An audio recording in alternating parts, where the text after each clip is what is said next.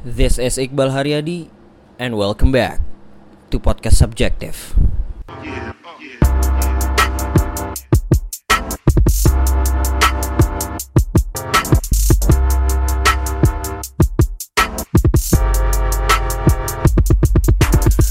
Berikut adalah rekaman waktu gua ngisi kelas podcast di acara anti corruption youth camp 2017 di Bandung tanggal 6 Desember 2017 gue diundang KPK untuk sharing tentang perjalanan gue bikin podcast, cara gue bikin podcast, uh, gue cerita juga beberapa tips dan ada interaksi juga Q&A dengan teman-teman di sana.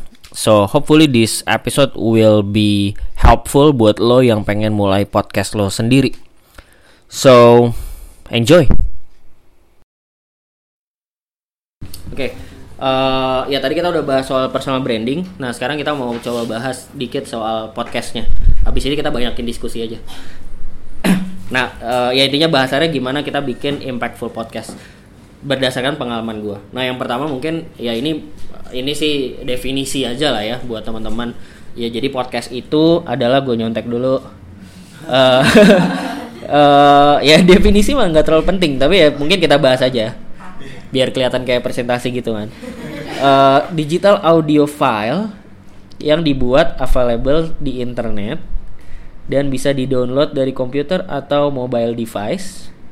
Biasanya dibuat dalam bentuk series dan bisa di subscribe ya kurang lebih kayak gitu ya intinya audio series lah podcast podcast uh, sebenarnya yang paling membedakan podcast adalah podcast tuh in demand uh, kalau radio kan kita ngikutin jadwal radionya. Nah kalau ini ya udah ada terus lo kapan pun lo bisa play. Dan udah ketahuan programnya apa bahasannya apa dan seterusnya. Kurang lebih kayak gitulah. Uh, nah sekarang gue pengen ini bahas aja sharing ya. Dari gue pengalaman udah dua tahun jalanin podcast gue pertama keluar tuh Agustus 2015 jadi sampai sekarang udah dua tahun September Oktober November dua tahun tiga bulan empat bulan lah jalan empat bulan. Nah yang gue pelajarin sebenarnya ini tren yang terjadi nggak uh, lebih banyak lebih kelihatan sebenarnya di luar maksudnya di US di pasar yang udah matang lah. Audio tuh udah akan jadi masa depannya konten the future of content. Uh, itu udah kelihatan trennya mengarah ke sana. Nah beberapa hal yang memperlihatkan bahwa audio akan jadi masa depannya konten adalah yang pertama. Sebenarnya kenapa kenapa audio itu sangat mudah diterima? Karena audio itu cara kita berkomunikasi. Ya maksudnya kita ngobrol ngelihat orang denger itu kita bisa berkomunikasi. Tanpa ngelihat bertatap muka pun kita teleponan kita bisa berkomunikasi. Jadi itu sebenarnya memang apa namanya natural way kita berkomunikasi satu sama lain sebagai manusia. Nah, sebenarnya paling gampang kalau kita ngomongin karya, nggak semua orang bisa nulis. Tapi semua orang bisa bacot. Tinggal di di ini aja ya. Di apa namanya? di trigger aja sebenarnya kalau dia bilang oh, gue nggak bisa ngomong ya lu gue tanya-tanya keluar gitu kan. Uh, suruh cerita ini keluar gitu ya semua orang bisa bacot gitu jadi sebenarnya itu paling natural buat kita untuk membuat sesuatu untuk untuk menyuarakan sesuatu itu justru paling natural adalah dengan ngomong karena kalau nulis perlu belajar kalau ngomong ya tiap hari kita ngomong gitu jadi emang itu paling natural nah, ini uh, ini matrix simple aja. Intinya kalau dalam proses nulis kan kita perlu mikir kita perlu effort kita perlu waktu. Ngomong itu lebih lebih sedikit effortnya. Lebih sedikit mikir lebih sedikit effort lebih sedikit dalam hal waktu. Maksudnya dalam hal waktu untuk memikirkan apa yang mau gue omongin. Ya kita mah ngomong aja gitu. Keluar semua. Kayak gitu kan. Uh, sehingga tadi balik lagi ngomong itu cara kita paling paling alami ketika kita berkomunikasi. Nah yang kedua audio trend sekarang apa rising gitu. Uh, mulai mulai meningkat. Beberapa hal misalnya. Ini statistik statistik singkat aja yang gue coba cari tadi ya. Satu dari lima Google search sekarang itu pakai voice. Gue nggak tahu sekarang teman-teman sering atau enggak tapi ya pasti sudah pernah nyoba juga kan nge Google search dengan voice. Lo lagi di jalan temen lo WhatsApp eh bentar lagi gue on the way nyampe gitu. Nggak sempat lagi tuh ngetik. Lagi nyetir gitu. Uh, lo belok kiri aja gitu kan. Semua pakai audio. Uh, Google Search juga mungkin lagi nyetir terus lo nggak tahu lokasinya di mana cari lokasi ini direction gitu ke sana. Jadi satu dari lima tuh udah gede banget gitu. Uh, kalau secara angkanya Google search katakan ini angka konservatif lah yang pasti jauh dari angka aslinya. Katakan misalnya dalam Google tuh ada satu juta search per jam. Berarti ada berapa itu? 200 ribu search by voice per jam tiap hari. Dan itu udah gede banget usage-nya. Uh, orang-orang menggunakan audio dibandingkan dengan menggunakan teks. Terus audio streaming itu sekarang angkanya 1,5 kali lebih banyak dibandingkan dengan video streaming orang yang streaming via Spotify, Joox atau dengerin audio dari SoundCloud itu jauh lebih gede dibandingkan dengan orang yang nonton uh, YouTube, Vimeo dan lain-lain. Nah yang ketiga audio device juga udah mulai banyak dan udah akan masuk ke sendi-sendi kehidupan manusia. ya kalau di kita mungkin belum trending ya karena ya ekonomi masih inilah orang makan beras juga makan nasi juga masih susah gitu. Tapi kalau di sana uh, Google Home itu udah jadi udah sangat familiar, Alexa udah sangat familiar. Uh, kalau yang belum pernah kalau yang belum pernah lihat ya ini benar-benar ada di rumah lo terus kalau yang yang udah terintegrasi banget ya. Gue pernah main ke rumahnya Om Deddy Deddy Corbuzier. Dia Alexa. Uh, dan di situ rumahnya udah smart home gitu. Jadi dia benar-benar yang uh, Alexa pakai bahasa Inggris sih uh, turn on the lamp gitu lampu nyala gitu. Alexa mainin musik gitu musik nyala speakernya di mana gitu speakernya di ruang makan speakernya nyala gitu. Uh, terus Alexa kalau bosan Alexanya bisa Alexa uh, give me a joke gitu. Atau hari ini ada film apa? Kayak gitu gitu uh, jadi benar-benar udah jadi tren dan emang uh, apa namanya directionnya berdasarkan audio bukan teks. Gitu. Jadi audio makin makin banyak dan mak makin lama akan makin familiar sama semua device kita jadi trennya akan selalu meningkat. Nah yang ketiga, audio tuh bisa dikonsumsi kapan pun dan di mana pun. Ini beda banget sama semua jenis konten yang lain. Kalau lo baca atau nonton, the screen apa layarnya tuh mengambil atensi lo secara penuh gitu. Lo harus lihat layar ini kalau lo mau baca atau nonton. Kalau lo bersin ya nggak kelihatan gitu kalau lu nengok dipanggil orang tuh nggak kelihatan gitu. Mungkin lu harus script apa mainin ulang. Itu yang terjadi dengan nonton di YouTube atau baca blog dan lain-lain. Tapi kalau audio audio tuh bisa lu bisa dengerin sambil ngapain aja. Lu jogging bisa dengerin audio. Lu masak bisa dengerin audio. Lu sambil mandi bisa dengerin audio. Lu sambil nyetir bisa dengerin audio. Lu sambil kerja bisa sosokan dengerin musik pada lagi dengerin podcast. Dan macam-macam lah gitu uh, bahkan sebenarnya YouTube gue nggak tahu statistiknya tapi gue yakin kalau teman-teman banyak banyak teman-teman yang bekerja tuh nyari playlistnya di YouTube dan dengerinnya dari dengerin gitu nggak nonton. Jadi mainin video klip terus dibiarin dibiarin autoplay tapi sebenarnya cuma dengerin audionya. Jadi ini adalah keunggulan audio yang makin lama akan membuat audio makin banyak dikonsumsi dibandingkan dengan video dan teks. Oke okay So, how do I start? Ya ini singkat aja dari gue. Uh, gue dulu waktu kecil tiap subuh dengerin Jainuddin MJ. Sebenarnya dulu gue lupa kenapa ya, karena karena gue oke okay, disuruh sholat subuh, terus pas pulang ke rumah nggak boleh tidur lagi. Jadi mau nggak mau gue harus melakukan sesuatu. Jadi gue yang gue dengerin adalah gue dengerin radio gitu. Uh, ya udah gue dengerin ini gitu. Di radio Jainuddin MJ tiap hari ceramah gitu sehingga gue secara tidak langsung gue punya banyak hal yang gue ingin omongkan gitu yang gue dengerin dari Jainuddin MJ gitu jadi outputnya adalah gue jadi banyak bacot aja. Gue jadi suka ngomongin orang ngomong uh, gue ngomong juga gitu. Nah sehingga gue gua banyak baca juga jadi kepala gue tuh berisik lah ini banyak hal yang ada di kepala gue dan harus gue keluarkan harus diomongin. Makanya awalnya gue ngeblok gitu. Tapi setelah uh, lama ngeblok tadi uh, eh, gue merasa blog adalah tulisan adalah bentuk pemikiran gue yang sudah difilter berkali-kali. Dan gue harus punya sesuatu yang gue harus gue merasa harus punya corong yang filternya sedikit. Jadi apa yang gue ingin omongkan tuh benar-benar keluar semua.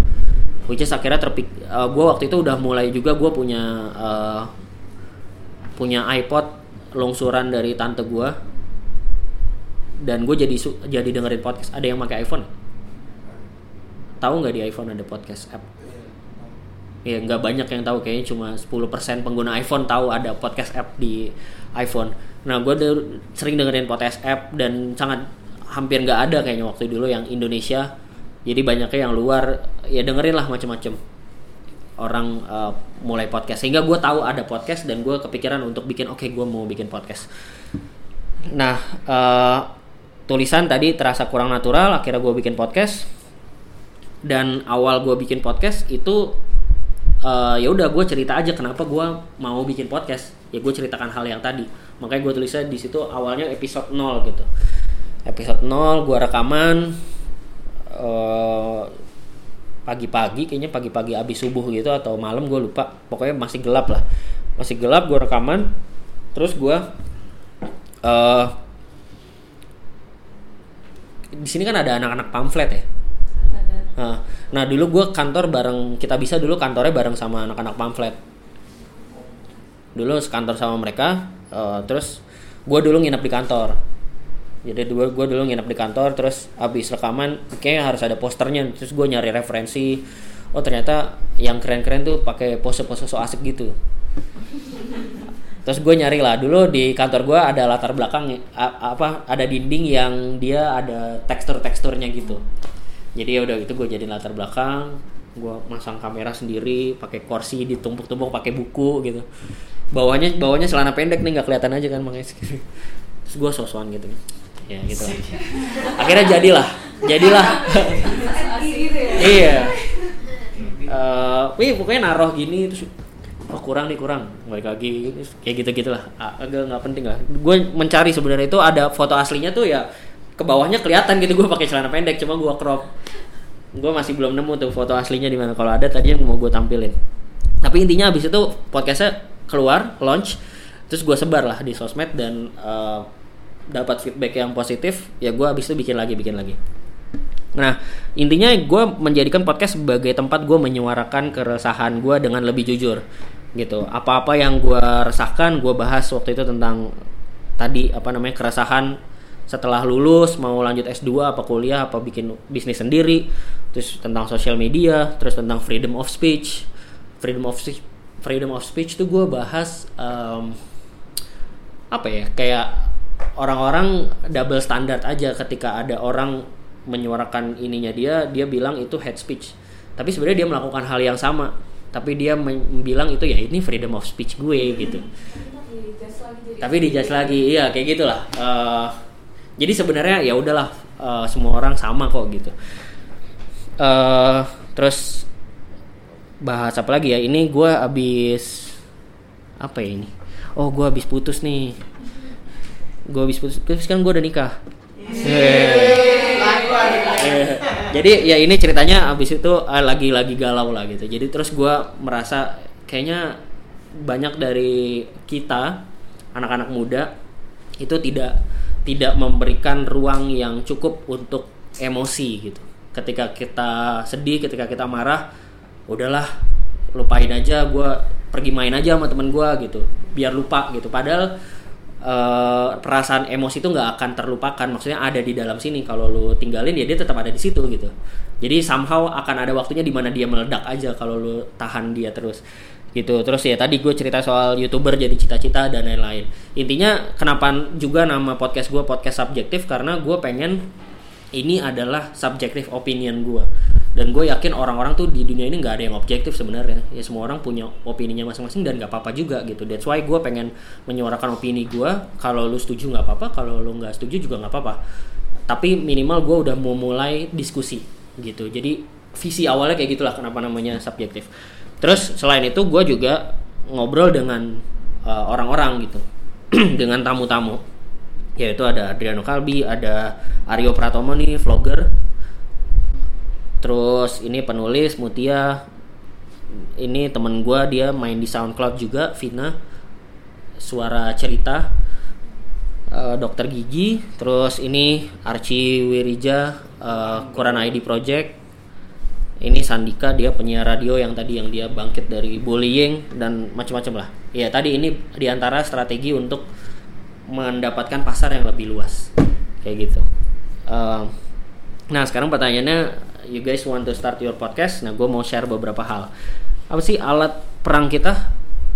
Ini gue kalau sekarang gue punya alat rekam ini ya. Tapi kalau ngomongin 10 episode pertama alat per, alat perang gue cuma HP HP gue waktu itu Asus Zenfone 5 dan basically any Android phone will be enough sih. Sangat cukup lah. Suaranya udah clear banget. Uh, laptop buat ngedit sama mulut lo udah itu aja sebenarnya alat perangnya. Uh, itu aja gitu. Laptop sebenarnya buat ngedit. Kalau nggak diedit juga sebenarnya nggak apa-apa. Tidak ada rules lah intinya sebenarnya. Tapi kalau diedit kan akan jadi lebih rapi. Jadi sebenarnya cuma ini. Dan semua punya kan? Semua punya ya? Jadi kita bisa ketok palu bahwa semua bisa bikin podcast ya? Oke okay. fix. Nah sekarang podcast tuh ada dua hal sih. Kalau buat gua ada dua dua step. Dua step besar. Satu produksi dua distribusi. Kita bahas pertama dulu. Ini kita bahas dari produksi dulu. Uh, sebentar. Kayaknya dia kebalik deh. Ini produksi. Oke okay, ini produksi ya. Perlu gue edit nggak? Nggak usah lah ya. Oke okay, ini kita bahas produksi dulu. Produksi itu stepnya satu. Lo ngambil tema yang mau lo angkat apa uh, sebenarnya tidak harus topik ya. Maksudnya kan kalau ini gue nggak tahu bener apa enggak secara definisi tapi maksud gue kalau buat gue ada ada tema ada topik. Kalau topik tuh ya judulnya apa? Gampangnya gitu. Judul yang pengen lo bahas apa? Spesifiknya apa? Episode itu mau bahas apa? Tapi kalau tema tuh yang luasnya pagernya nih lo mau membahas apa? Kalau tadi misalnya mau diarahkan ke politik komedi itu bisa. Kalau gue tema besarnya sebenarnya keresahan anak muda gitu. Gampangnya gitulah. Gue juga belum mem membuatnya menjadi ceruk yang lebih spesifik tapi pada saat ini keresahan anak muda. Pokoknya apa-apa yang dipikirkan sama anak muda di umur sekitaran gue gitu 20 sampai 25 um, dan ditentukan juga ini nih nanti bentuk formatnya kayak apa. Kalau gue paling aman makanya gue ngambil personal journal jadi formatnya adalah ya gue bercerita ini seperti jurnalnya jurnal pribadi gue gitu seperti gue nulis di diary di diary gitu. Uh, tapi dalam bentuk suara. Bisa juga dibuat dalam bentuk show. Tapi kalau show kan butuh konsep yang lebih matang ya. Maksudnya seperti misalnya uh, lo lihat ada Tonight Show di Net TV atau ya Najwa Shihab gitu mata Najwa itu kan ada konsepnya. Maksudnya openingnya tuh harus ada sapaan pemirsa. Terus nanti mungkin ada opening script yang pada episode kali ini kita akan membahas tentang bla bla bla bla bla gitu. Harus ada kayak gitunya baru masuk ke kontennya. Nanti setelah konten ada closing. Nah itu akan balik ke teman-teman. Teman-teman maunya seperti apa? Tapi kalau mau yang paling simple itu personal journal. Jadi ya udah sebenarnya formatnya ada tapi nggak terlalu di formatin gitu ada sih gue juga opening dengan menyapa uh, apa namanya menyapa apa kabar kayak gitu, lah standar. Closingnya juga ada closingnya. Tapi karena personal journal orang akan lebih ya udah emang minim edit tuh nggak apa-apa gitu. Itu yang pertama. Yang kedua ketika lo udah milih oke okay, milih tema tema besarnya apa terus lo pilih topiknya apa lo mau bahas tentang apa lo bikin outline-nya. Kalau gue biasanya outline-nya adalah uh, satu poin-poin yang ingin gue sampaikan sehingga ngomongnya nggak berantakan nggak tak nggak tersesat di tengah jalan gitu. Abis ini ngomong apa lagi ya? Lo tahu abis ini mau ngomong apa karena udah ada poin-poinnya. Yang kedua gue biasanya udah tahu juga ada kalimat-kalimat yang gue pengen ngomongin spesifik kalimatnya harus kayak gitu. Karena kalau kayak gitu lucu atau kalau kayak gitu ya itu pesannya gitu. Nah itu gue tulis juga persis kalimatnya kayak gitu kan. Kalau gue ya karena udah ini biasanya di otak gue udah ada skenario nya juga nih. Ngomongnya nanti harus persis kalimatnya seperti ini. Misalnya misalnya apa ya? Misalnya ngomong kalau uh, let's say gue mau ngomong tentang lu tau gak sih uh, no caption needed itu caption gitu. Nah gue tulis kalimatnya persis kayak gitu gue tulis juga di outline. Jadi gue tahu ngomongnya akan persis seperti itu. Karena kalau nggak digituin mungkin kalimatnya akan berubah dan jadi nggak lucu. Misal kayak gitu. Atau jadi nggak kena poinnya. Jadi dua hal itu sih. Outline satu poin-poin besarnya apa. Kedua kalimat-kalimat penting yang udah ada di otak lo harus seperti itu di itu ditulis juga. Nah yang ketiga ya mulai rekam gitu. Mulai rekam paling gampang kalau pakai HP pasti semua ada sound recorder. Pakai itu aja. Ada banyak aplikasi lain tapi gue nggak tahu uh, apa bedanya. Kayaknya sound recorder cukup lebih dari cukup. Kalau teman-teman bisa beli alat seperti ini juga akan sangat bagus. Uh, ini tapi harganya biasanya pricey sih cukup pricey di atas satu juta gitu. Ya itu nantilah next level. Tapi kalau untuk awalan daripada menunda-nunda udah pakai HP cukup banget kok. Lu dengerin 10 episode pertama gue semua suaranya clear karena cuma pakai HP itu udah cukup. Yang keempat baru edit kalau gue editnya sekedar potong-potong sama nambahin lagu lagunya jingle. Uh, jingle tuh ya lagu pembuka lagu pembuka. Lagu pembuka juga ada banyak ininya. Ya ada banyak opsinya. Teman-teman bisa cari di YouTube. YouTube library audio atau cari ya cari keyword aja lah free audio music kayak gitu-gitu banyak banget. Jadi teman-teman bisa cari di situ. Nah sebenarnya ini ini aja teman-teman prosesnya. Sesimpel itu benar-benar sesimpel itu. Karena gue juga sering dapat pertanyaan eh gue nggak tahu kalau yang podcast pojokan ada proses lain nggak? Sama kan? Ya udah gitu doang kan. Gue sering banget dapat pertanyaan bang uh, eh, gue mau mulai podcast gimana ya? Udah gini doang gitu. Ada yang gue kasih tahu gini doang marah. Bukan marah sih yang gitu doang bang. Eh, emang gitu doang iya kok simpel banget sih. Emang semua jawaban dari hidup ini tuh simpel. Asik. Asik. Tapi tidak mudah. Jadi simple but not easy. Selalu simple sebenarnya tapi nggak pernah mudah gitu. Perlu proses. Kayak gitu. Uh, Oke, okay. nah, eh salah kan? Nah, itu tadi produksi. Setelah produksi, produksi ujungnya adalah episode udah jadi gitu, tinggal upload. Nah, baru kemudian proses distribusi. Nah, proses distribusi ini yang perlu dipikirkan adalah satu, uh, namanya apa? Nama podcastnya apa? Nama podcastnya apa dan brandnya kayak gimana? Brand ini maksudnya uh, ya apa ya ciri khas ciri khasnya mungkin ini tercerminnya lebih ke visual sih bentuk visualnya ini terkait juga dengan nomor dua jadi intinya namanya apa? Terus nanti lo perlu pikirin juga kalau ini kalau dari pengalaman gue ya uh, logo poster ya dan brandnya itu sangat penting. Maksudnya pendengar juga perlu tahu kenapa namanya itu. Uh, dan gue kalau gue pribadi gue sering banget ngulang ngulang hal itu. Karena kan gue cukup provokatif ya dalam menyuarakan opini gitu. Kalau gue nggak suka ya gue bilang uh, ya gue keluarin aja gitu bahasa bahasa kita sehari-hari. Jadi nggak nggak nggak terlalu gue filter. Nah kalau udah kayak gitu biasanya gue bilang ya ini kan subjektif opinion gue kalau lo punya subjektif opinion lo sendiri ya nggak apa-apa juga gitu. Tapi this is my podcast. Gue mau menyuarakan opini gue secara subjektif gitu. Gue nggak mau being objektif karena nggak ada orang yang objektif juga gitu. Ah, gue sering mengulang-ulang itu supaya orang juga tahu oh ya positioning brand si podcast ini tuh subjektif memang di situ jadi kalaupun mereka akhirnya dengan cara itu ketika gue menyuarakan sesuatu yang nggak sesuai sama mereka mereka nggak bisa protes juga. Bukan nggak bisa protes sih lebih tepatnya adalah oh iya itu adalah pendapatnya dia. Gue punya pendapat yang berbeda ya nggak apa-apa gitu. Karena dia juga nggak menganggap gue sebagai ustadz gitu kan. Itu itu cukup berbahaya sih. Maksudnya uh, kalau gue menghindari branding yang mengarah bahwa gue lebih pintar dari orang lain. Gue nggak mau jadi lebih pintar dari orang lain gue cuma mau jadi teman ngobrol doang jadi kalau lu punya pendapat yang lebih bagus ya nggak apa-apa juga gitu. Itu sih. Jadi perlu dipikirin namanya apa brandnya apa logo dan posternya seperti apa.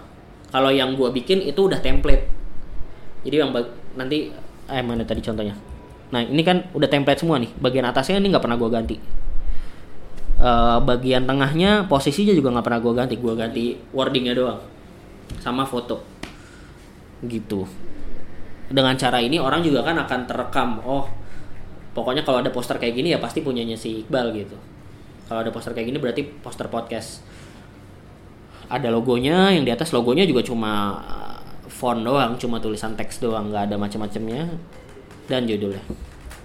Gitu. Uh, terus yang ketiga itu mulai disebarin ke sosmed. Nah mulai disebarin ke sosmed ini ada hal-hal teknis yang teman-teman perlu sambil belajar sambil jalan gitu. Kalau gue biasanya strateginya gini channel distribusi gue itu ada satu Instagram eh satu Twitter dua Instagram tiga blog. Blog gue di Tumblr. Nah kalau podcast episode gue udah keluar yang pertama gue lakukan biasanya gue posting di Twitter. Posting di Twitter dalam bentuk gambar posternya. Uh, apa namanya judulnya sama linknya. Udah gitu dan abis itu gue pin ke profil Twitter. Jadi dia muncul di paling atas. Nah uh, itu nanti biarin biasanya gue biarin tiga hari sampai seminggu untuk untuk ngeliat aja sebenarnya kalau di Twitter itu berapa banyak. Nanti setelah tiga hari atau seminggu baru gue post di Instagram dengan caption yang lebih panjang intro gitu intro teks linknya di bio linknya taruh di bio. Itu penting karena biar orang bisa klik atau bisa copy gitu. Kalau enggak orang akan nyari dan kita nggak bisa expect orang akan beneran nyari. Gitu sih. Nanti setelah posting di Instagram uh, satu dua hari posting lagi di Instastories kasih tahu linknya ada di bio. Baru setelah itu posting di blog. Gitu sih. Prosesnya kayak gitu. Jadi kurang lebih proses distribusi gue biasanya seminggu sampai dua minggu dengan jeda-jeda kayak tadi itu untuk untuk untuk mendapatkan semua audiens karena kan ada yang aktifnya di Twitter, ada yang aktifnya di Instagram, ada yang aktifnya di blog. Itu semua kita dapetin. Dan jadi nggak dikeluarin berbarengan. Jadi satu-satu. Gitu. Dan itu uh, so far sih lebih efektif ya, lebih efektif untuk ningkatin. Uh, itu. Yang kedua, eh, yang keempat kolaborasi tadi ngajakin orang yang bisa mendongkrak, sih mendongkrak bisa membantu kita reach out ke audiens yang lebih luas. Tidak harus followersnya banyak. Kalau memang dia kira-kira punya topik yang menarik untuk kita angkat bareng sama dia, ajak aja. Atau dia punya followers yang uh, loyal gitu. Kita udah merasa dia punya personal brand yang bagus dan sudah dikenal di followersnya. Itu kita ajak untuk ngobrol. Dan ketika ajak kolaborasi, pastikan dia juga mau ngepost di sosmednya dia. Jadi bukan cuma kita uh, yang ngepost di sosmed kita. Jadi pastikan dia juga ngepost di sosmed mereka. Mereka ngetek kita juga. Mereka naruh kasih tahu linknya ada di mana. Hal-hal itu hal-hal teknis banget tapi itu cukup penting untuk diteliti sama teman-teman yang mau bikin podcast. Berikutnya baru nomor 5 amplify testimoni nah mungkin selain amplify adalah ask uh, minta minta testimoni jadi kalau di podcast gue juga selalu dalam podcastnya gue selalu minta gitu. Dan gue belak belakan aja. Maksudnya gue bilang kayak ya lu kan dengerin gue gratis. Lu kalau suka konten gue ya terima kasih lah gitu. Iya bener gue bilang kayak gitu. Ya terima kasih lah apa kayak nge-tweet gitu. Nge-tweet stories pokoknya twitter gue Iqbal HP Instagram gue Iqbal HP uh, eh, terus apalagi nge-tweet. Kalau mau email ke iqbalhp@gmail.com kayak gitu. Uh, dan kalau udah ada yang nge-tweet lo bilang makasih juga. Kalau gue di Twitter biasanya kalau ada yang nge-tweet nih abis episode baru keluar kan biasa ada yang nge-tweet nih. Tungguin dulu sampai banyak kalau udah banyak baru retweet retweetin jadi kesannya wih banyak gitu numpuk. Padahal mah udah ditungguin dua minggu gitu. Disabar-sabarin aja nih udah mau di retweet gitu. Uh, itu itu hal-hal teknis yang cukup penting sih. Uh, tapi memang audiens itu perlu diminta. Dan menurut gue nggak apa-apa. Uh, kalau gue tadi kalau gue karena gue juga memposisikan diri sebagai teman bukan sebagai apa ya sebagai orang yang diidolakan sama fans gitu. Nggak gue nggak mau kayak gitu. Ya maksudnya gue teman aja ya. Kita mutual relationship aja. Lu dengerin podcast gue seru ya udah. Lo berterima kasih lah dengan tweet dengan apa. Ya gue akan sangat appreciate karena lo juga nggak bayar kan gitu.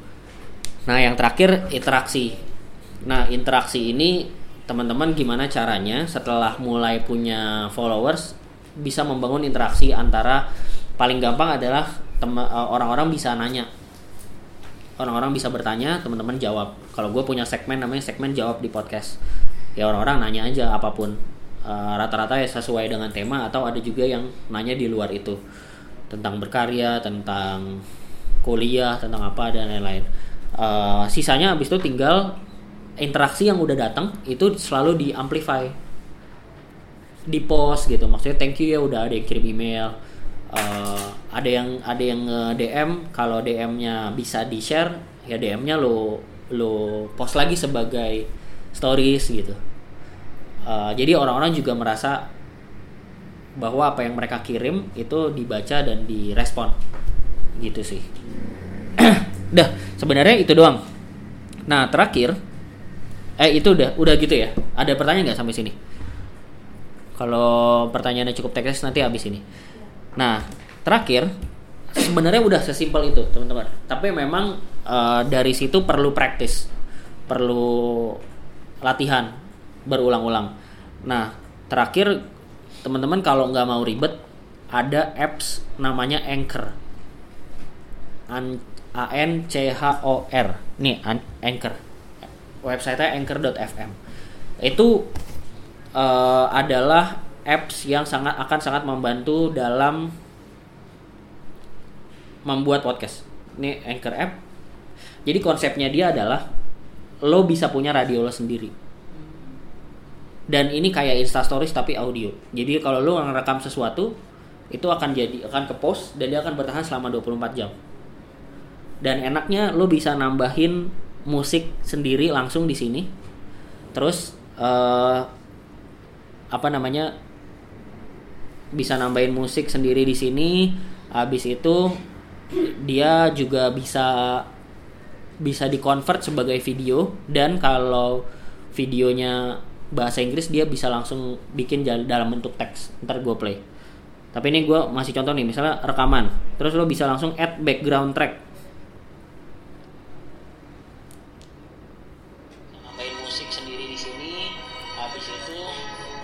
ganti musik.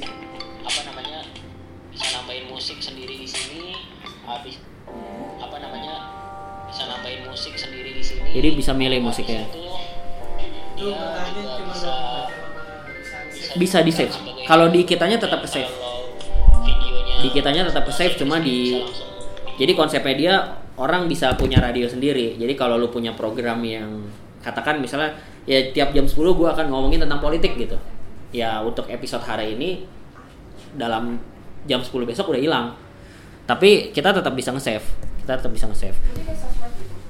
Kayak sosmed kayak sosmed orang bisa clap orang bisa interview dan lain-lain. Nah kalau bentuknya video dia bisa kalau bahasa Inggris ya walaupun uh, teknologinya masih terbatas tapi menurut gue ke depan nih akan bagus banget sih itu tadi aplikasi kenapa? Aplikasinya. Aplikasinya.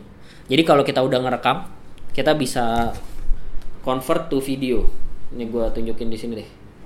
Delete. Uh, eh, gue juga belum terlalu sering pakai ini. Nih ya misalnya ini tadi kita udah rekam. Ini ada tombol jadi video. Eh, ini karena udah jadi sih ya. Share video. Ini jadinya kayak gini intinya dia akan nge-transcribe tapi baru bahasa Inggris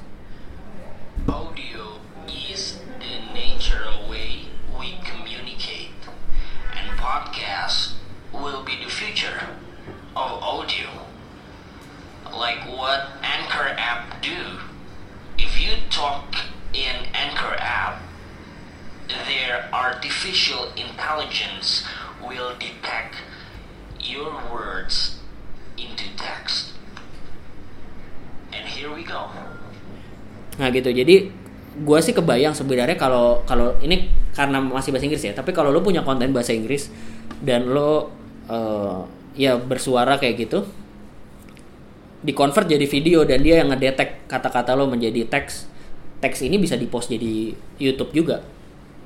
Di, di bisa dipost di Instagram juga bisa dipost di Twitter juga gitu. Itu musiknya nggak pernah ngajikan musiknya dari dia soalnya. Itu nggak pernah enggak enggak musik dari dia. Gitu sih. Eh, ya dan dan dan dia juga kalau lo mau langsung connect ke iTunes podcast ah, maksudnya episode yang lo rekam di sini terus langsung di dia lo tinggal klik OK itu langsung masuk ke iTunes. Jadi lo nggak usah upload dua kali. Otomatis. Jadi ya ini salah satu apps yang sangat membantu kalau teman-teman mau minimalis banget dalam produksi tapi fokusnya di konten gitu. Yang penting kontennya bagus lo ngerekam tet, tet, tet, tet. udah oke oke oke oke. Jadiin video rekam. Eh rekam apa? Upload. Jadi podcast kayak gitu. Nah gua itu kurang lebih teman-teman. Eh, sama terakhir gua mau menunjukin beberapa hal. Tadi ya soal yang pertama eh testimoni ya. Testimoni itu tadi penting kita untuk minta. Ini ng- ngasih lihat oke. Testimoni penting untuk kita minta aja nggak apa-apa. Dan orang-orang pun akan kalau memang mere- mereka merasa podcast kita memberikan value mereka akan memberikan testimoni. Dan kalau mereka udah kasih testimoni ya kita appreciate juga gitu. Dan gue suka suka amazed karena eh, podcast gue tuh didengerin sama anak-anak muda di daerah-daerah yang gue nggak tahu gitu. Gue nggak tahu itu ada di mana tapi ternyata ada gitu. Ya, ini dari Jambi eh, desa teratai di salah satu kabupaten di provinsi Jambi. Kok nggak bisa next? Eh bentar.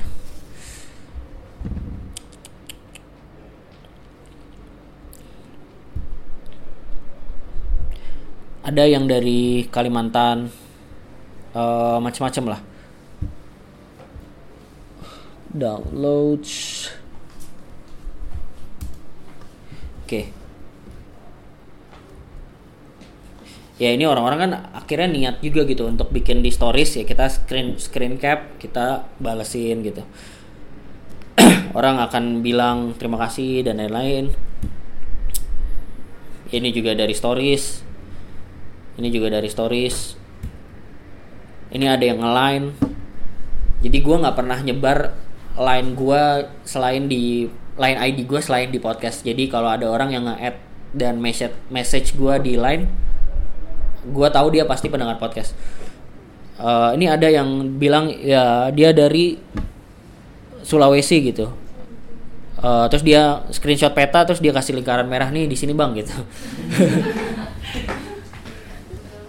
Eh, kayak gitu. Nah ini kayak kayak yang kayak gini-gini sih yang bikin kita juga jadi pengen bikin terus. Terus gue pernah juga misalnya suka iseng nanya eh, karena gue beberapa kali juga supaya interaksinya lebih real gue beberapa kali bikin acara live. Maksudnya bikin acara kayak kopdar gitu terus kita ngobrol bareng. Eh, pernah di Bandung pernah di Jogja dua kali. Nah kadang-kadang gue kayak iseng kemarin nanya ada pendengar subjektif yang di Bekasi nggak? Ada gitu. Mau bikin subjektif di KRL bang. Ini juga yang jawab ada nih di sini ada saya gitu. Ya habis itu jadi ada interaksi juga sama sama pendengar. Terus waktu kemarin ulang tahun kedua Agustus ya gue bilang juga ke pendengar ya ini ulang tahun podcast yang kedua thank you buat yang udah dengerin. Uh, dan gue mau bikin episode khusus yang nge-compile suara teman-teman juga. Jadi gue minta mereka untuk kirim voice note via line Uh, mereka namanya siapa asalnya dari mana dan episode mana yang paling mereka suka dan kenapa. Dan itu ternyata yang ngirim banyak gitu. Mereka ngirim lewat line kirim kirim kirim. Dan gue juga apresiasi banget maksudnya gue juga terharu cie terharu. Ya gue balas-balesin pakai voice note juga gitu Eh, kayak gitu sih. Jadi interaksi sama testimoni itu jadi dua hal yang akhirnya bikin kita sama pendengar jadi lebih dekat sih. Dan eh, ya tujuan gue sih gue nggak tahu ya pendengar gue merasanya seperti apa. Tapi gue sih selalu pengen relationship yang dibangun itu relationship pertemanan sih. Jadi kita tuh temen uh, gue ngasih value lo ngasih value juga. Kita sama-sama respect satu sama lain lah kayak gitu. Uh, sehingga dengan cara kayak gitu ya komo apa namanya community pendengar yang dibangun akan bikin podcast kita jadi berkembang terus menerus. Kayak gitu sih teman-teman kurang lebih soal podcast. Oke lanjut diskusi. Ada pertanyaan? Kita lanjutin yang tadi. Ada yang lain dulu pertanyaan? Jadi saya mau nanya itu tentang eh, publishnya. Publishnya itu ke mana saja gitu? Apa cuman SoundCloud aja? Oke. Apa cuman apa lain tempat lain seperti itu? Terus eh, kira-kira untuk eh, produksi itu kira-kira butuh berapa lama untuk produksinya seperti itu? Itu aja sih. oke Terima kasih. Oke, kalau eh, distribusi gue di SoundCloud aja, tapi SoundCloud itu bisa disambungin ke iTunes. Cari aja tutorialnya, tutorialnya how to connect SoundCloud with iTunes gitu. Intinya sih lo di iTunes lo perlu bikin akun. Terus nanti ada hal-hal teknis lah, copy-copy link, daftar kayak gitu-gitu. Perlu tutorial tapi cari aja tutorialnya. Jadi lo upload di Sound kalau gua gua ngupload di SoundCloud doang, tapi otomatis juga akan terupdate di iTunes. Gitu. Dua itu aja sih. Eh, dengan asumsi Android akan lari ke SoundCloud, pendengar iPhone akan lari ke podcast atau iTunes. Sebenarnya mau main ke Spotify tapi ya nggak tahu Spotify belum membuka untuk orang Indonesia atau belum tahu caranya. Mungkin nanti kalau masuk ke Spotify akan lebih enak sih. Gitu. Tapi so far kalau distribusi cuma ke SoundCloud, otomatis ke upload ke iTunes. Terus kalau produksi eh prosesnya sebenarnya kalau mau di mau dibikin berurutan ya maksudnya gue mau mendedikasikan hari ini untuk bikin podcast itu mungkin cuma tiga jam cukup maksudnya rekaman kalau gue kan durasi sejam ya. Rekaman sejam eh ngedit sejam sih cukup harusnya. Mungkin dua jam deh nggak jadi gue ralat. Eh, dua jam. Tapi eh, biasanya karena ada kegiatan lain prosesnya jadi kepotong maksudnya beda-beda. Jadi misalnya gue baru sempet hari ini rekaman doang sejam. Terus ngeditnya nanti eh, weekend gitu ngeditnya weekend tapi prosesnya satu jam sampai dua jam juga ngeditnya. Habis itu paling satu dalam satu jam dan dua jam itu terma- ngedit termasuk bikin caption bikin poster eh, bikin ya udah gitu bikin caption dan bikin poster. Habis itu tinggal publish publish jadi kalau proses produksi sih dua jam sampai tiga jam. Ada lagi? Kalau hal yang paling sulit ketika produksi apa? hal paling sulit apa ya? Ataupun ketika proses Ah. sebelum produksi juga. mungkin men- mungkin mencari konten kali ya. Maksudnya mencari ide. Mencari ide sih. Walaupun kalau gue sekarang sebenarnya prosesnya ya ini belum disiplin sih ya. Gue belum disiplin. Cuma kalau gue proses yang sekarang adalah kalau gue ada ide gue tulis. Kalau nggak ada ya udah tapi kan proses yang benar adalah ya lo menentukan gua tiap dua minggu akan keluar episode baru dan harus nyari terus kan ep- eh, idenya apa. Sebenarnya prosesnya mungkin lamanya di situ. Jadi kan karena perlu mungkin kalau nggak ada idenya kan perlu baca perlu nonton perlu riset perlu nulis lagi outline-nya apa. Baru setelah itu mulai rekaman. Kalau gua sih personally ketika rekaman nggak terlalu bermasalah sih maksudnya karena udah tahu juga kan outline-nya apa, tinggal ngikutin outline. Jadi mungkin yang paling sulit adalah proses mencari idenya, mencari konten. Jadi kan eh, kalau kita kan yang menghas- namanya menghasilkan karya biasanya kan eh apa sering sekali labil lah maksudnya labil itu kadang semangat, Ya. kadang ngedown gitu. Kalau lagi malas-malasnya gimana mau konsisten kalau misalnya lagi malas gitu. Jadi eh, menurut kakak gimana kita untuk em, nyari penyemangat gitu mengenai masalah ya masalah eh, karya kalau menghasilkan karya. Oke. Eh, yang pertama berkarya sama disiplin itu dua hal yang berbeda. Berkarya itu mudah, disiplin itu susah. bacot lah yang ngomong disiplin itu gampang nggak disiplin itu susah karena disiplin itu susah memang perlu diakalin diakalinnya adalah disiplin itu kan sebenarnya dibangun yang penting konsisten kan. Kalau seminggu sekali seminggu sekali dua minggu sekali dua minggu sekali. Nah yang penting lo menentukan kira-kira frekuensi mana yang pak kalau lu males banget tetap akan bisa. Kebayang nggak? Kalau misalnya seminggu sekali kan itu sering banget. Dan kalau tiba-tiba malas datang kemungkinan besar akan gagal. Jadi jangan bikin target yang kita tahu akan gagal kita bikin target yang paling aman dulu. Ini untuk membangun disiplin ya. Untuk membangun disiplin. Let's say misalnya bikin yang paling gampang lah sebulan sekali. Sebulan satu. Itu kalau udah gue males banget sebulan satu tetap kekejar gitu. Nah udah. Pastikan bahwa dalam satu bulan satu ka- kita pastikan oke targetnya adalah satu bulan satu kali. Itu yang pertama. Yang kedua formatnya dibikin sesimpel mungkin sehingga alasan untuk tidak melakukan itu hilang kalau misalnya formatnya talk show makanya gue juga bikin formatnya ya udah personal journal aja. Karena kalau formatnya talk show kalau formatnya banyak ada ini ada itu ada ini ada itu ada banyak alasan buat gue aduh belum bikin lagunya belum bikin ininya belum bikin itunya. Nah alasan-alasan itu dicoret semua. Alasan-alasan dicoret pokoknya bikin yang penting gue jadi yang penting jadi yang penting jadi. Udah sih dua hal itu sebenarnya. Secara teknis ya maksudnya karyanya dibikin seminimal mungkin sehingga tidak ada alasan untuk menunda-nunda dan bikin tidak sesuai target. Kalau penyemangat mungkin pertama awal-awal karena belum ada yang dengar pasti kita penyemangatnya adalah diri sendiri. Si diri sendiri. Ya pokoknya sesuai dengan lo mau ngapain gitu. Maksudnya tujuannya bikin apa. Tujuan dari bikin ini tuh untuk apa gitu.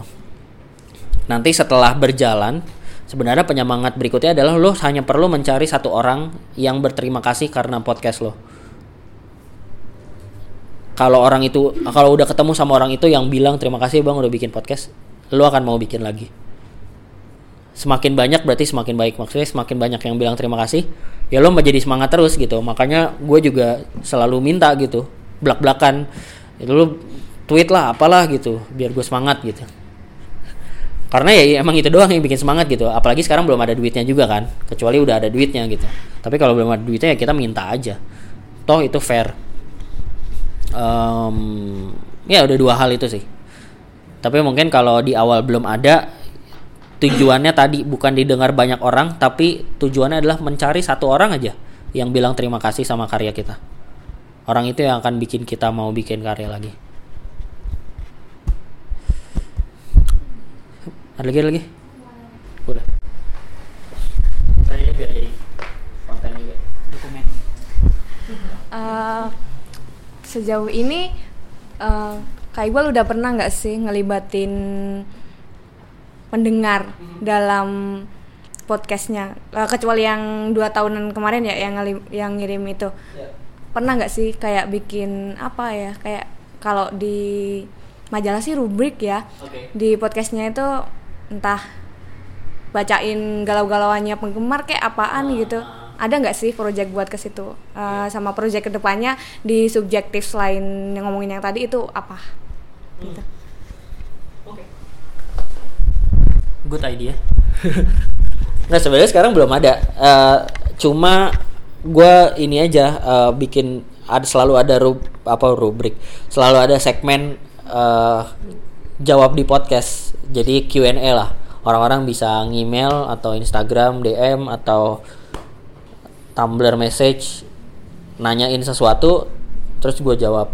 Ada juga yang curhat sih tapi tergantung si orangnya bilang ini mau di jadi kalau gue bilangnya eh, kalau ngirim pertanyaan pakai hashtag jawab di podcast jadi gue tahu ini bisa dibacain. Kalau enggak gue yang akan menilai ini bisa dibacain apa enggak. Kalau dibacain jangan marah gitu kayak karena lo nggak pakai hashtagnya. Eh, so far sih kayak gitu sih. Nah itu kebanyakan memang pertanyaan sama curhatan doang. Belum ada yang kontennya konten ya konten dari pendengar gitu belum sih. Tapi ya udah bagus. Mungkin bisa gue terapkan. Iya iya. Jadi menarik ya. Jadi si pendengar juga merasa jadi konten ya Ada lagi?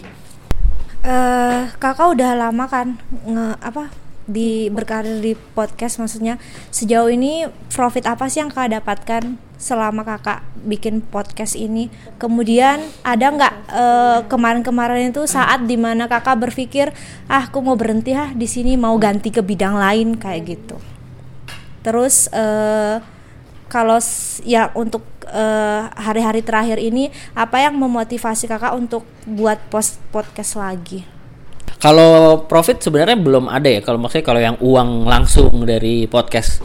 Nah, ini target gua 2018 juga sih. Uh, Apa namanya? Mulai memonetisasi podcastnya. Sebenarnya sih paling gampang adalah bikin ada sponsor kayak iklan gitulah. Maksudnya orang bisa ngiklan di podcast gua. Waktu itu gue pernah bilang sih di salah satu episode, tapi kayak belum ada. Waktu itu gue bilang kayak, ya yang mau ngiklan lu jualan keripik juga nggak apa-apa gitu. Ya gue mau keren aja ada iklannya gitu. Eh, iklannya apa aja terserah sih gitu. Tapi belum ada dan tapi gue dari guanya juga emang belum serius sih. Maksudnya belum serius mempromosikan bahwa gue punya media podcast yang bisa jadi media iklan. Kalau duit belum ada kalau duit langsung. Tapi sebenarnya yang lebih apa ya lebih bernilai adalah personal brand sih. Podcast udah jadi personal brand gua banget. Pers- ya maksudnya yang membantu gua secara pribadi membangun personal brand gua sebagai Iqbal Haryadi gitu. Sebagai orang yang memang bergerak di bidang podcast orang yang suka menyuarakan keresahan anak muda eh, hal-hal seperti itu. Yang membangun reputasi. Sebenarnya output dari personal brand adalah reputasi. Orang jadi tahu bahwa kita tuh punya expertise atau punya punya eh, apa namanya kepiawaian di bidang apa. Salah satunya, salah satu contoh nyatanya adalah gue diundang ke kelas ini gitu. Kalau bukan karena gue rutin berpodcast 2 tahun dan cukup mendapatkan apa namanya traction, ada pendengarnya, ada testimoninya dan lain-lain, ya nggak akan jadi pembicara gitu. Eh, hal yang sama yang terjadi sama let's say cameo project gitu. Mungkin awal-awal mereka mungkin sekarang udah gede kan, tapi mungkin awal-awal tidak langsung punya uang, tapi secara tidak langsung mereka membangun image bahwa youtuber yang ya ini agak judgmental ya, tapi youtuber yang ada isinya salah satunya adalah uh, Cameo Project gitu. Sehingga kalau ada brand-brand yang mau mencari brand ambassador yang ada isinya, nyarinya ke Cameo Project bukan ke youtuber yang lain. Gitu. Uh, kan tidak langsung jadi duit, tapi membangun reputasi, reputasinya baru kemudian jadi sesuatu yang bisa memberi value lebih.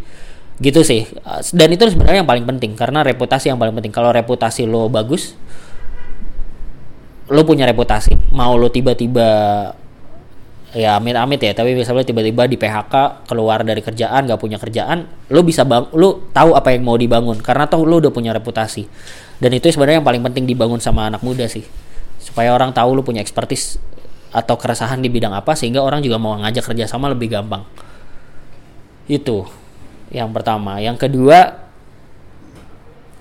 apa? Pernah kepikiran berhenti apa enggak ya? Eh, enggak sih ya kar sebenarnya karena karena udah hobi dan karena banyak sih irisannya banyak tapi satu hobi emang orangnya banyak bacot gitu. Suka ngobrol. Eh, kedua mengetahui bahwa karya gue ada manfaatnya buat orang.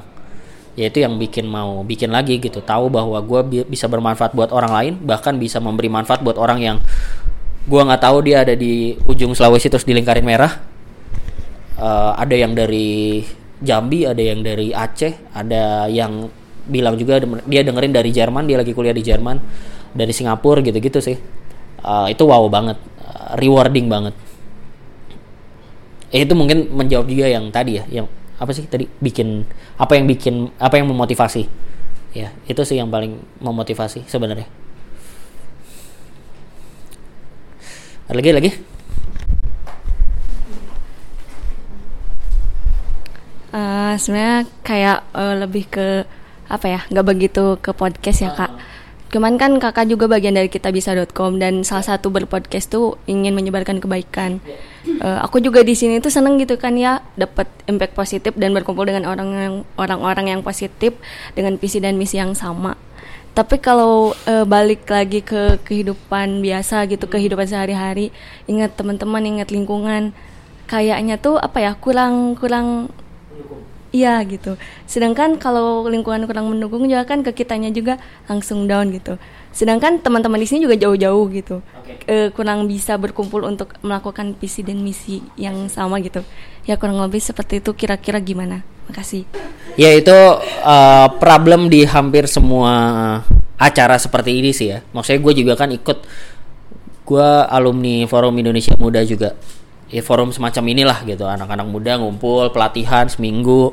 Juga, wah semangat gitu kayak Indonesia cerah banget gitu kan. Iya kan, parah kan. Iya, terus ntar pulang ke rumah, aduh, teman-teman gue kayak gini kayak gitu gitu kan. Eh, tapi emang lingkungan penting. Gue gue selalu gue punya prinsip juga eh, garbage in garbage out. Kalau yang masuk ke otak lo sampah pasti keluarnya sampah. Kalau yang masuk ke otak lo emas pasti keluarnya emas. Jadi sebenarnya dijaga aja sih yang masuk ke otak kita tuh apa. Nah sebelum nyampe ke otak kan sebenarnya organ reseptifnya adalah nih sarjana gue keluar lagi nih. Organ reseptifnya adalah mata, hidung, sama telinga, ya kan? Eh, mata, hidung, sama telinga. Te- Eh, hidung nggak dihitung lah ya. Informasi. Kalau rese- organ reseptif informasi kan mata sama telinga aja. Jadi sebenarnya dijaga aja yang kita menjaga yang masuk ke mata sama telinga itu yang bikin kita semangat terus. Nah, kalau misalnya lingkungan kita belum menjadi lingkungan yang seperti itu, ya sebenarnya dimanfaatkan aja sih platform online. Balik lagi tadi, uh, you are what you follow. Kalau gue, let's say kayak misalnya gini, gue kalau gue salah satu yang bikin gue suka semangat pagi-pagi adalah dua hal. Ini simpel banget. Satu, gue nonton net TV, nonton pagi-pagi. Andre sama siapa satu lagi? Ast Hesti. Andre sama Hesti. Nah itu informasinya nggak penting sih. Maksudnya gue juga nggak. Maksudnya gue juga nggak. Gue juga nggak menyerap informasi itu karena kan informasinya kadang-kadang trivia aja gitu. Kayak ada robot yang lagi dikembangkan ada apa kayak gitu. Cuma kan mereka semangatnya positif banget gitu. Jadi gue bikin harinya jadi cerah. Terus gue ke kantor naik motor macet-macetan lewat tendean. Gue selalu dengerin podcast Gary V. Ada kalau mau dicari Gary Vaynerchuk. Ya dia bisnismen di US dan dia suka kasih motivasi gitu. Eh, dia dia banyak dia expert di bidang sosmed, di bidang digital dan dia suka cerita banyak hal dan dia selalu cerita dengan semangat gitu. Jadi gue juga sebenarnya lebih kepada menjaga semangatnya aja. Kalau informasi itu bonusnya. Tapi ya emang per- mungkin kalau tidak lingkungannya belum mendukung ya perlu ada habit-habit yang dibangun untuk mendukung supaya mood dan semangat kita tetap ada di level itu. Ya mungkin lo bisa follow uh, dan membuat habit dengerin podcast-podcast tertentu atau denger nonton video-video tertentu setiap pagi Em, atau kalau ngobrol kan butuh waktu dari orang keduanya ya. Jadi mungkin tidak bisa sesering itu, tapi bisa juga dibangun habit itu. Jadi sebenarnya dibangun aja sih habit-habit itu. Banyakin baca-baca buku yang positif kayak gitu sih. Kalau gua kayak gitu, jadi lebih membangun pokoknya inputnya harus positif terus. Kalau gua udah mulai jenuh atau apa, berarti input gua nih yang kurang. Berarti gua harus baca buku tertentu, baca buku baru atau ketemu orang baru atau dengerin sesuatu yang baru. Kayak gitu sih. Iya, jangan di follow lah. Kalau gua, nah makanya akhir akhir tahun nih, akhir akhir tahun selalu jadi momentum di mana gua be- bebersih following di semua sosmed. Toh kita temenan juga nggak harus follow kan. Kalau gua kayak gitu ya. Kalau lu nggak penting, maksudnya kerjaan lu pamer-pamer doang atau ngeluh-ngeluh gitu ya, lu gua unfollow aja lah, nggak penting juga gitu. Banyak sih temen gue yang DM gue, kok gue udah, ya nggak gua balas gitu ya udah aja gitu. Maksud gue ya dewasa aja lah gitu. Ya lu tem tetap teman gue cuma gue nggak mau aja follow lu di Instagram gitu. Nah biasanya akhir tahun tuh jadi momen gue akan ada tanggal gue nentuin tanggal tertentu. Hari itu gue akan cek semua sosmed gue gue bebersih following. Apalagi bentar lagi pilkada. 2018 2019 crazy sih pasti. Semua gue orangnya sih nggak gitu ngikutin politik ya. Karena gue pusing kalau ngikutin itu ya gue sih unfollow aja semua orang yang berisik baik dari kubu sini atau kubu sana. Kalau lu berisik ya udahlah gitu. Gitu sih jaga aja sosmednya lebih positif. Eh, yang mau ditanya, eh Oke. mau tanyain tadi kan kakak bilang katanya kita itu jadi duren. Kalau nggak disuka banget berarti ya dibenci banget gitu ya berarti. Iya. kan berarti kalau misalnya selama kakak berkarya gitu ada nggak sih haters haters yang suka ngirim-ngirim pesan negatif gitu? Terus ki- kita misalnya kita jadi kreator gimana sih sikapnya buat nanggapin haters biar nggak ngedownin kita gitu Eh, sejujurnya sampai sekarang gue belum nemu haters yang signifikan sih. Gue juga menunggu sebenarnya. Gak maksud gue karena karena haters itu kayak step kayak tangga gitu loh. Maksudnya lu punya punya orang yang suka tangga berikutnya harusnya punya haters gitu. Tapi gue belum nyampe nih. gue menunggu sebenarnya. Eh, ad- yang yang signifikan ya. Kalau kalau yang standar-standar mah ada kayaknya orang ini sotoy atau apa kayak gitu-gitu ya tapi gua ya udahlah gitu. Kebetulan sih ya kebetulan. Kebetulan gua orangnya egonya gede. Dan over confident terlalu percaya diri orangnya. Jadi kayak kalau ada orang yang nggak suka ya ya udahlah lu nggak tahu hidup gua juga gitu. Gua suka gituin. Kebetulan gua orangnya kayak gitu tapi mungkin kan nggak semuanya kayak gitu ya. Eh, tapi pada prinsipnya adalah ya kita nggak perlu dengerin yang nggak suka sih. Gitu aja sih. Bodoh amat ah. ya maksud gue kalau nggak suka ya lewat aja gitu. Eh ya itu juga perilaku orang di sosmed sekarang ya. Kalau nggak suka ngomong tapi kalau suka diem. Ya kan? Kalau suka nggak diri tweet gitu. Didiemin. Tapi kalau dia benci dibales. Emang orang-orang kampret banget Eh, kalau kalau gue suka analogiin kalau di kalau lagi di kalau lagi di dunia nyata gitu ini ada tukang somai ini ada tukang bakso ada tukang bubur. Lo mau beli bubur bubur kan di pojok sana. Ya lo mau beli bubur kan lewat aja ya. Orang zaman sekarang kalau mau beli bubur marahin orang bakso dulu bakso lu nggak enak. Somai lu sampah. Pas makan bubur diem. Kalau maksud gua kalau mau ke tukang bubur lewat aja. Nggak usah ngomongin ini kan cuma orang sosmed sekarang kan kayak gitu yang nggak suka diomongin yang yang suka didiemin gitu. Ya kalau kayak gitu sih balik lagi kalau kita sebagai kreator ya ya udah gitu. Kalau nggak suka ya kita fokus aja ke orang yang suka.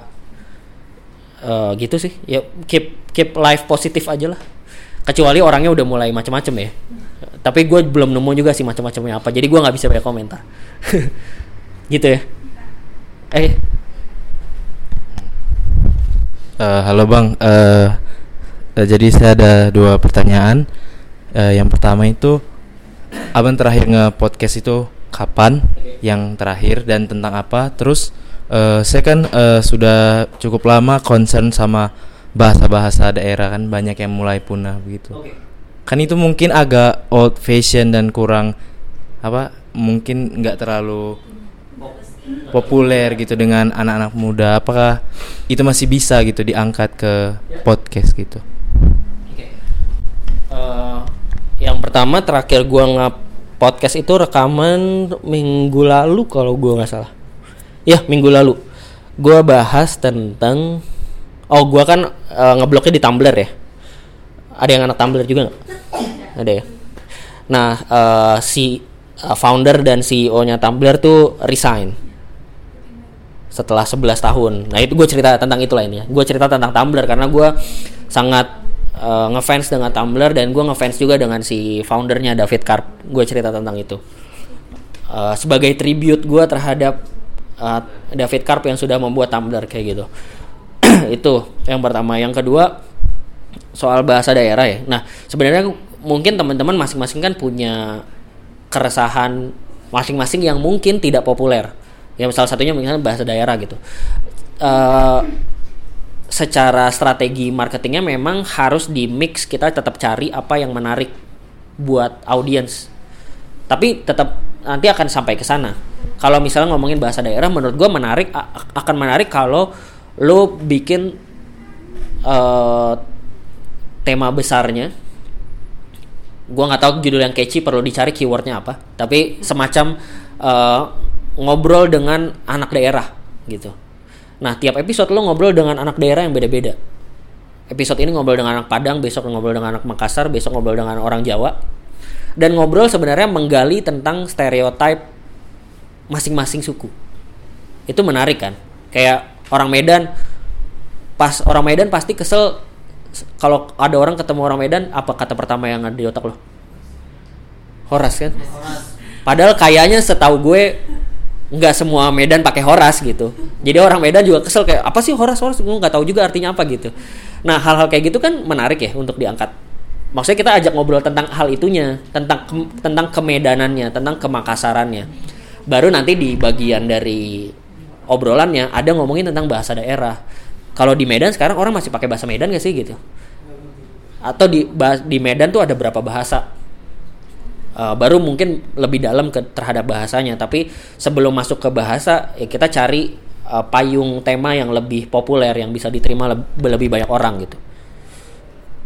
Itu menarik sih. Apalagi di tiap kampus ada paguyuban paguyuban masing-masing daerah kan. Jadi gampang lah harusnya nyari narasumber. Gitu sih. Terakhir ini Eh ya mungkin pertama gue mau promosi podcast pojokan dulu kali ya. Eh, Iya iya oke. Oke gue bercanda gue bercanda. Ah, Enggak enggak. Ah, Enggak gue bercanda. Eh, gue pengen nanya soal udah kesebut tadi gue udah promosi sebenarnya eksplisit.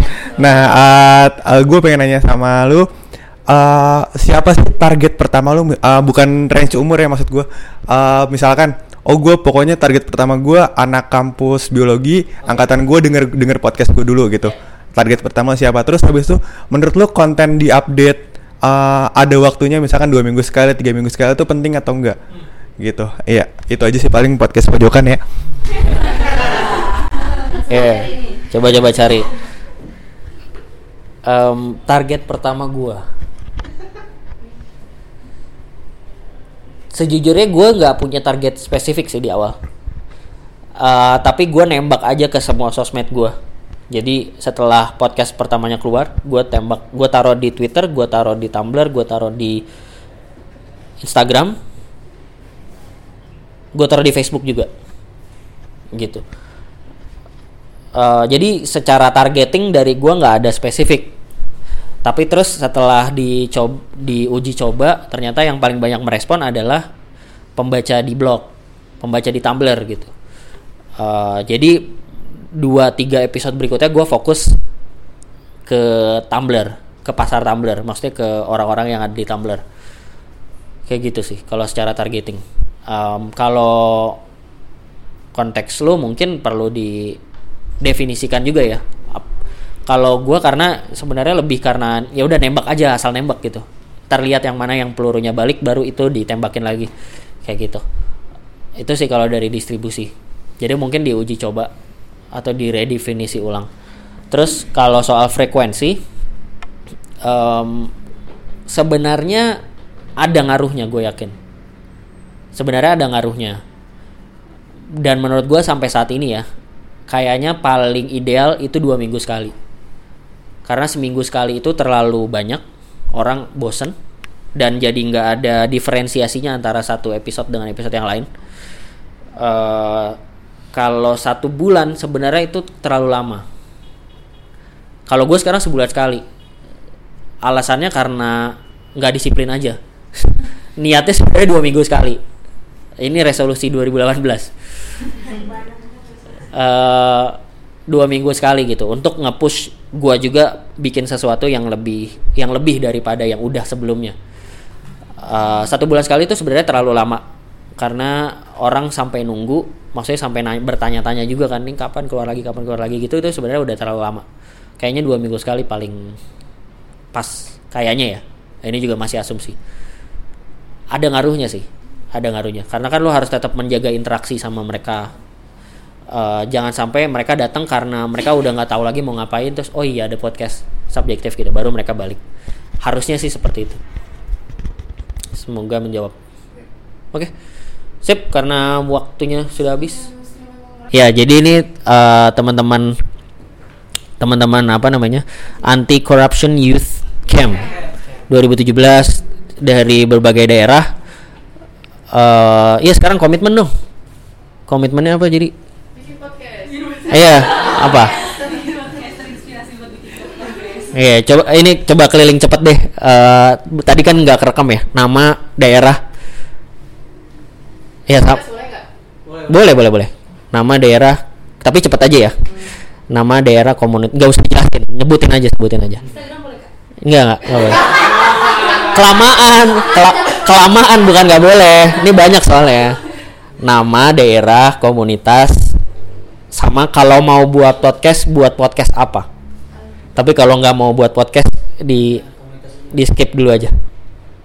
Dari sini deh. Cepat ya Saya Arif dari Jogja, rencananya mau bikin podcast tentang jalan-jalan. Saya Zia Rahman, asal dari Aceh, sekarang sedang fokus di media wasata.com. Eh, saya Fikri dari Bengkulu, kuliah di Depok, eh, ingin buat podcast podcast tentang bahasa. Gue enggak. gue Ovi. Iya, dari Depok. Gue cuman pembantu dari podcast pojokan. gue Daru dari Jakarta, gue eh, pembicara di podcast pojokan, kontennya seru habis jadi nonton dulu. Dengerin, sorry bukan nonton. Uh, saya Linda dari Banyuwangi dan bi- ingin bikin podcast untuk promosi wisata Banyuwangi sih. Aku Sisil dari Sumbawa Nusa Tenggara Barat. Eh, kalau mau bikin podcast, eh, belum tahu kontennya apa. Kalau ada ide DM Instagram. Saya Ahmad Sayadi dari Madura sih. Nanti mau bikin poske- podcast tentang kemaduraan. Ya, eh, aku nih Lutfiana, aku dari Purwokerto, eh, komunitas Bineka Ceria, Eh, mau bikin podcast tentang perempuan, kayak perempuan gimana ngelihat dunia gitu. Aku Gisna Maulida dari Bandung kalau bikin podcast ya yang penting positif. Aku Alfa dari Bengkulu nanti mau bikin podcast mengenai tentang buku. Eh, aku Ayu dari Lampung, podcastnya mungkin tentang yang menyuruhkan tentang keberagaman. Saya Irfan dari Bandung, kalau bikin podcast mungkin tentang hukum. Oke, itu aja teman-teman. Thank you. Eh, ditunggu komitmennya ya. Eh, jadi setelah ini harusnya ada 1 2 3 4 5 6 7 8 9 10 11 12 13 14 ya minimal 10 podcast lah yang beneran jalan the output dari anti youth anti corruption youth camp. Jangan hanya berwacana dan membohongi rakyat seperti koruptor-koruptor itu. Asik. Pesan politik, pesan politik. Pesan moral. Iya. Asik, asik. Iya. Oke, sip. Thank you guys. Thank you so much for listening. Really appreciate it. Kalau lu suka dengan konten gua dan lu rasa bermanfaat, please share it to your social media.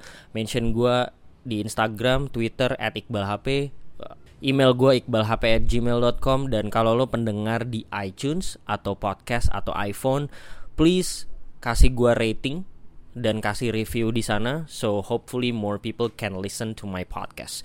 Thank you so much. Please be subjective.